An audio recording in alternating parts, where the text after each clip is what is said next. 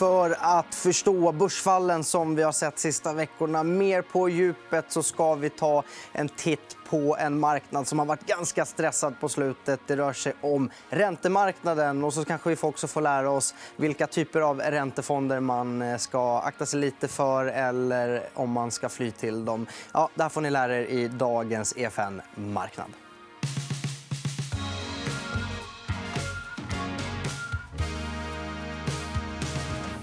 Ja, då säger jag välkommen till eh, ränteproffset och faktiskt lite makroproffset också. Micke Rosell, välkommen. Tack så mycket. Tack så mycket. Du, eh, hur har dina dagar varit här sista veckorna? Jo, det har varit full, eh, full rulle. Väldigt volatila marknader. och försöka liksom förstå vad det är som kommer hända både underliggande ekonomin, hur finanspolitiken eventuellt då kommer reagera och framförallt då, centralbanken efter det kommer eh, svara upp. Eh, helt enkelt. Mm. Så väldigt volatilt, väldigt stora kast i marknaden. Vi eh, fick ju lite pepp igår i alla fall från ECB. De lanserade ett program här för att eh, stödja eh, marknaden. Vad kan vi säga om det här PEP-programmet? Ja, äntligen, får man väl säga. lite. Lagardes dagar på ECB har inte börjat på, på topp.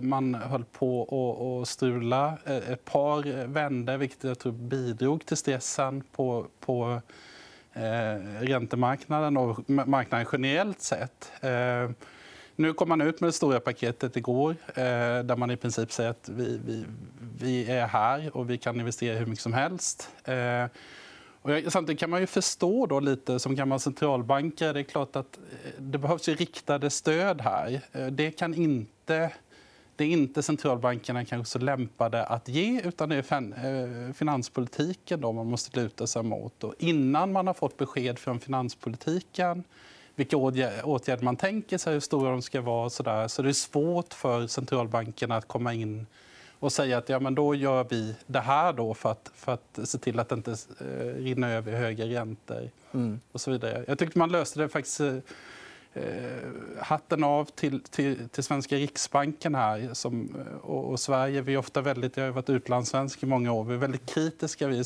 svenskar mot Sverige. Det är skillnad mot kritiskt tänkande och vara negativ. Jag tycker att de har, har eh, försökt sköta det här så bra som möjligt. Det är en väldigt flytande situation även för de som gör policy. såklart. Mm.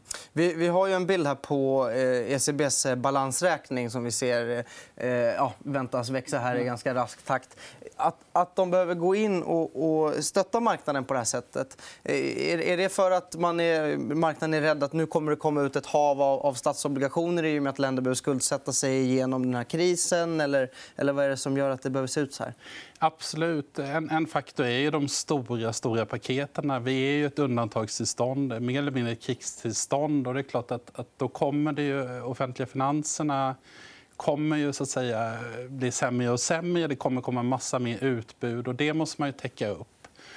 Sen så tror jag också vi har haft, jag vet sist när vi var här, jag var här och diskuterade, vi har haft tio år nu av uppgång eh, med väldigt låga räntor. Och, eh, Människor har tagit väldigt hög leverage. Eh, man har eh, försökt hitta avkastning där det har gått. Eh, och det är mycket stora positioner där ute. För då måste man ta stora positioner om, om, om räntan är väldigt låg för, för, att det ska hända någonting. Och det är klart att många av de här positionerna måste ju unwind nu. Eh, och, det bidrar ju då också till stökigheten. Mm. Kan... Eh kan, det vara, kan, kan börs, börsen och aktiemarknaden vända om inte räntemarknaden lugnar sig och blir lite avstressad? Så att säga? Eh, generellt sett så är väl aktiemänniskor lite gladare eh, än, än räntemänniskor. Men det är klart att eh, innan vi får en tydlig känsla hur stora default det kommer bli, kommer företag gå under, gå i konkurs här och innan man lugnar företagsobligationsmarknaderna så det är klart att då, då blir det väl tuffare för börsen att hitta någon slags botten här mm. och se igenom det här. Vi, vi har också en bild på, på den italienska tioåringen. Mm. Eh, eller vi har ingen bild på den, kommer på. Men däremot så den rörde sig mellan 3 och 0 i yield och 1 och 6. Eh, det är en enorm skillnad. Mm. Brukar eh, en, en statsobligation röra sig på det här sättet? Nej, det var ju, har ju varit en extrem rörelse. Ett land som vi har pratat om länge, länge som har haft problem med sina offentliga finanser Eh, som var eh, svagt redan innan. Väldigt likt eh, Grekland på många sätt. Oroväckande likt Grekland. Och sen så får vi då kärnan i Europa på, på det här viruset hamnar just i Italien. Väldigt olyckligt. Och det är klart att då måste man också hålla, hålla i åminne att italienska obligationsmarknaden är den fjärde största tror jag, i världen. Så att rörelse i italienska räntepapper ger väldigt stor effekt. Mm. Eh, så kollektivet blir ju oerhört rädda här. Och det behövdes ju någon som kom in och gjorde en backstop för vi ville inte ha en, en, en default lik det vi hade i Grekland i Italien på grund av ett virus. Mm. Det var ju väldigt, väldigt olyckligt. Och nästintill, eh, skulle jag säga, eh, ohanterligt också. Det skulle bli en oerhört svår situation politiskt ekonomiskt och på alla möjliga sätt. Grekland var ju trots allt en, det är en liten pöl jämfört med vad Italien är i det här sammanhanget. Och vi vet hur stökigt det blev med, med Grekland. Och där blev Europeiska centralbanken nu räddan i nöden. Det måste vara det som fick ner gilden här på ja, italienska. Ja, nu är de där. De är backstop. De kan köpa... Och backstop betyder? Ja, det betyder i princip att de kan köpa in italienska obligationer och säga att vi, vi tar den här risken från eh, marknaden. Ni mm. behöver inte oroa er. Och eh, centralbanken har ju den fördelen att eh, de kan ju trycka hur mycket pengar de vill av sin egen valuta. Så, att, så att det var eh, väldigt, väldigt skönt. måste Jag säga. Jag blev nöjd igår när jag såg det. För Det har varit så uppenbart att hade man släppt det här en vecka, två veckor till då hade det blivit väldigt svårt att, att, att få stopp på det. Mm. Nu har man i alla fall fått ett tillfälligt stopp. Jag säger inte att det är helt över än. Eh, men vi, eh, i våra egna fonder i alla fall, så har vi, vi har ju kortat Italien ganska rejält. Eh, men nu vågar vi liksom börja minska den där kortheten lite. Mm. Eh, vi, eh, om, om, om, man om man trycker så här mycket pengar, då, finns det inte risk att det blir superinflation? Jo, eh, det skulle man ju kunna tro. Sen är, och det är den här debatten mellan penningmängd. Eh, vad innebär penningmängd för inflation? och så där. Och Där finns det ingen riktigt bra korrelation. Vi har varit förvånade de flesta av oss tror jag sen eh, finanskrisen att vi inte har fått upp inflationen med tanke på att, att centralbanken har tryckt så mycket pengar. Den här chocken tycker jag är lite annorlunda. Det blir väldigt intressant att följa. Vi hade en diskussion internt om det. Och man kan ju se det på ena sidan som en eh, utbudschock. Och utbudschocker brukar leda till eh, att priser kommer upp. Eh, men dessvärre så är det väl så att efterfrågechocken den här gången är ännu större. Eh, och, och då, då, kan man tänka sig att priserna går ner då, eh, generellt sett. Vi har sett oljepriset kommit ner eh, väldigt, väldigt mycket. Eh, så, så det är där vi är. Men det är klart att eh, jag, generellt sett så finns det ju en, en, en sanning där ute att inflation, det kommer, vi kommer aldrig ha inflation eh, längre. Och jag tror ju att när man sitter och tar positioner och så vidare, så som jag brukar tänka, där, men även om det skulle vara en 10-20% sannolikhet för att vi faktiskt får lite inflation eh, till följd av det här, det blir brist, bristtal om det är för stora, företagen väljer att höja priserna, ja, då måste jag ta hänsyn till det i mitt positionstagande på något sätt. Jag säger inte att det är ett huvudscenario, men det är ett scenario att eh, en effekt av det här skulle kunna bli högre priser. Men det är mer sannolikt att vi får en väldig dipp i efterfrågan och tyvärr att arbetslösheten då eh, stiger och att vi går in i någonting som liknar, förhoppningsvis inte för mycket, men, liknar eh, situationen efter finanskrisen. Skulle världsekonomin klara betydligt högre inflation? Nej, det skulle ju bli, eh, det skulle ju bli tufft. Eh, men vi har ju... Eh, och det är väl hela räntespelet. Det har varit sen finansiella krisen. Vi, vi, har ju inte haft några räntor att, att jobba med. Och då har det blivit då att positionstagandet har blivit väldigt jävt också. Eh, så skulle vi få hög inflation, ja, det, det skulle bli någon slags stagflationsscenario då. Det, det, är ju, det är klart det är tufft. Där. Mm. Det är tufft. Eh, vi har också en bild på den klassiska amerikanska eh, tioåringen som man ofta gärna pratar om. Eh, och där ser man allra längst ut här nu senast att, att volatiliteten längst, längst, längst ut till höger har ju varit betydligt kraftigare än normalt. Mm. Och, och där jag fick också en, en Twitterfråga idag från en tittare som, som undrade, eh, Oskar Molin, han undrar kan ni förklara eh, vad hon menar? Och då var det nämligen en Bloomberg-journalist som hade lagt mm. ut den här och sagt att det här, det här är oroväckande. Liksom. Så här brukar det inte se ut. Varför är det så oroväckande när volatiliteten i, i en amerikansk tioåring blir som på slutet? Ja, ja. Jag tror att man får gå tillbaka till redan titta på vad som hände förra hösten. Det finns en allmän bild att allting i USA har varit frid och fröjd. Börsen har gått upp, arbetslösheten är låg och så vidare. Men redan förra hösten så började vi se spänningar på den amerikanska fundingmarknaden, alltså den väldigt korta delen av, av räntemarknaden. Eh, och eh, det ledde då till att, att Fed var tvungna att vidta massa åtgärder. Det, vill säga, det, det fanns en, en, en, efterfrågan på dollar var högre än eh, utbudet. helt enkelt. Sannolikt på grund av att vi har byggt upp massa leverage i systemet under tio års tid. Och leverage när man skuldsätter sig? Skuldsätter sig och tar större och större positioner. Mm. Eh, och det eh, var ju då redan en varningsklocka får man säga, förra hösten. Sen har Fed fått bukt på det här.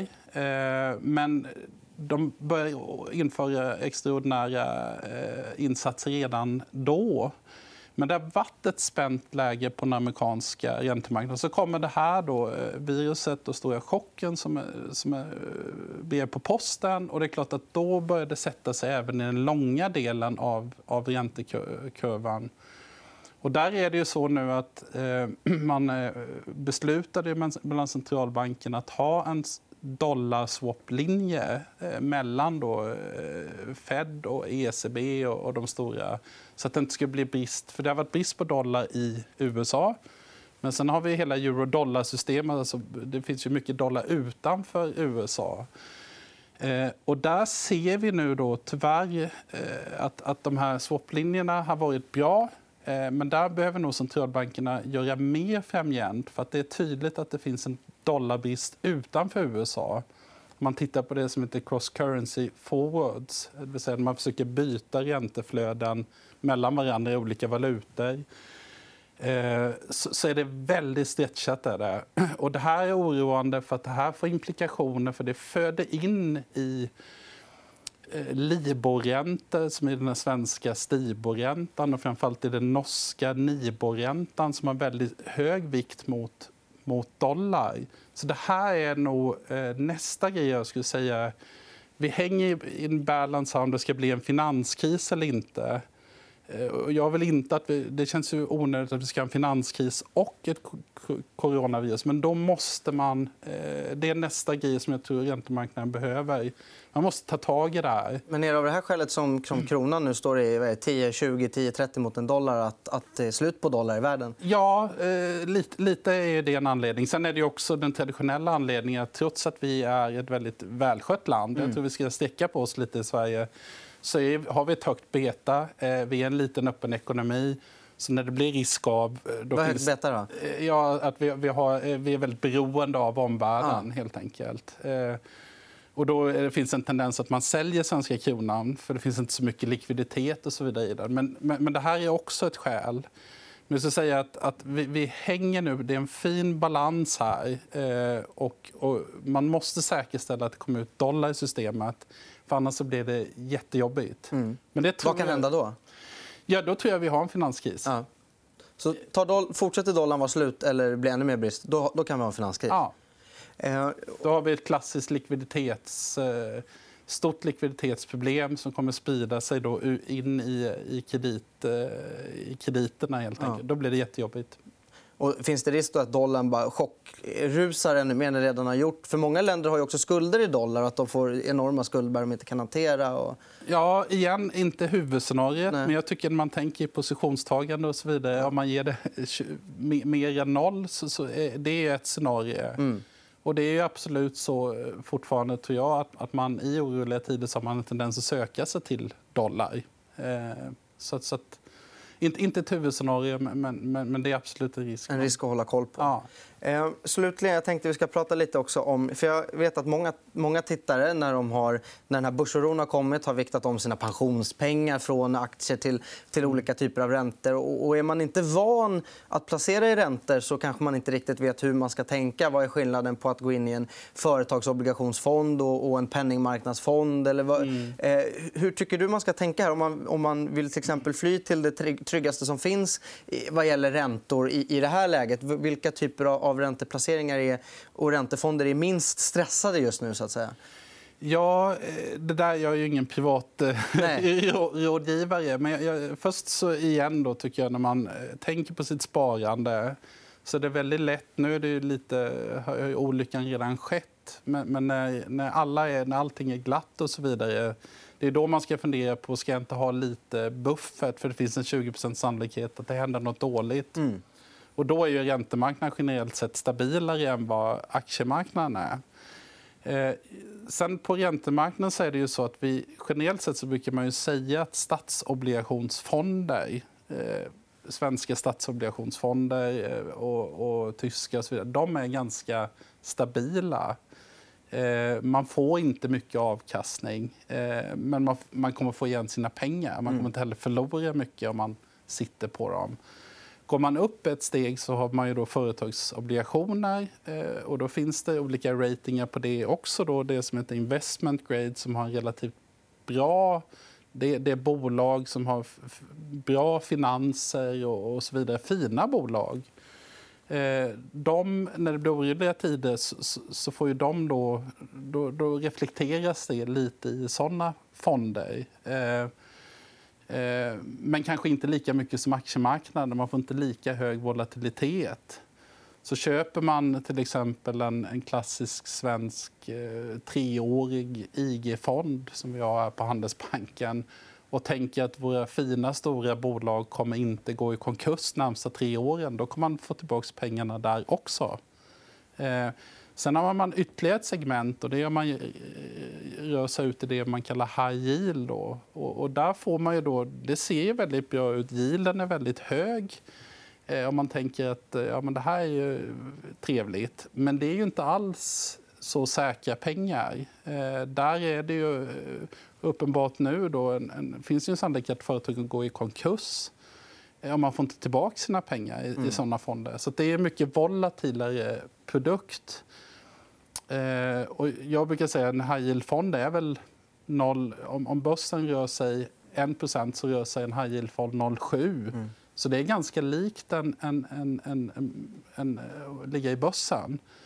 Och där tror jag ett generellt råd till spararna nu om man tittar runt. Då, för har, vi har haft tio år, eh, även i, vi har inte så mycket high yield-marknad i Sverige, men i de flesta fonderna där människor har smugit in risk i fonderna för att få upp yielden. Men då innebär det nu att nu blir de då mer volatila. Så nu får man se vilka som badar nakna lite grann ja. när ebben försvinner? Ja, lite mm. så är det. Mm. Eller ebben drar in rättare sagt. Ja, lite så är det. Eh, ja, men det är bra. Så att, sammanfattningsvis kan man i alla fall säga att flyr man, eller rör man sig nu från aktier till räntor så är det ändå viktigt att, att veta att det är ganska stor skillnad på, på räntepapper och räntepapper, och räntefond och räntefond. Så att säga. Ja, och det är också skillnad på, på det vi kallar duration, hur, hur lång tid fonden är. Mm. Det finns ju kort, korta fonder som är upp till ett halvår eller ett år. Eh, och där är ju volatiliteten generellt sett lägre än de som har längre eh, räntebindningstid. Där får man en högre volatilitet. Mm. Man får tänka i två, ett lager. Dels eh, kreditrisken och också hur, hur lång tid de här obligationerna vad de har för duration, löptid helt enkelt. Mm. Eh, avslutningsvis, då, eh, det går ju fort när man har roligt. Tiden börjar rinna ut. Mm. Men, men eh, om du, eh, vad, du, du, som ändå har, har mer än örat mot rälsen vad gäller räntemarknaden och, och, kreditmarknaden. Vad, vad kommer du vad kommer du titta efter de kommande veckor för både för orossignaler men kanske för ljusglimtar? Vad letar du efter? Jag hoppas verkligen på det stora, i den stora spelplanen så hoppas jag verkligen att Fed, ECB och de stora bankerna snackar ihop sig nu. Det krävs mer åtgärder så att vi inte hamnar i dollarbrist. Eh, de här cross currency spreadarna som är tekniskt här, men det det, det måste fixas till, annars så finns det stora systemrisker. Så det hoppas jag. I Sverige så tycker jag som sagt att responsen har varit bra med tanke på hur, hur, hur chockartat det här är. Nu väntar nog hela den svenska eh, räntemarknaden på att eh, Riksbanken ska börja köpa det som vi kallar bostadsobligationer. Och det ska man börja med nästa vecka. För det sitter väldigt många, tror jag, nu med, och vill bli av med lite bostadsrisk men som kanske är beredda att köpa lite företagsobligationer. Då. Mm. Och då skulle man lätta trycket i, i den, på den svenska eh, räntemarknaden på, på ett ganska förnämligt sätt, tror jag. Och det skulle bidra till att stabilisera situationen. Men eh, för att återknyta till det du sa i början av resonemanget. Det låter som att det Fed och ECB har gjort hittills är mycket, men det räcker inte riktigt hela vägen. Det måste komma mer. Ja, mm. det tror jag. Mm. Bra. Tusen tack för att du kom hit, Mikael eh, Rosell. Och sen så är ju såklart EFN Marknad tillbaka igen imorgon klockan 11.45. Missa inte det. Tack för att ni tittade.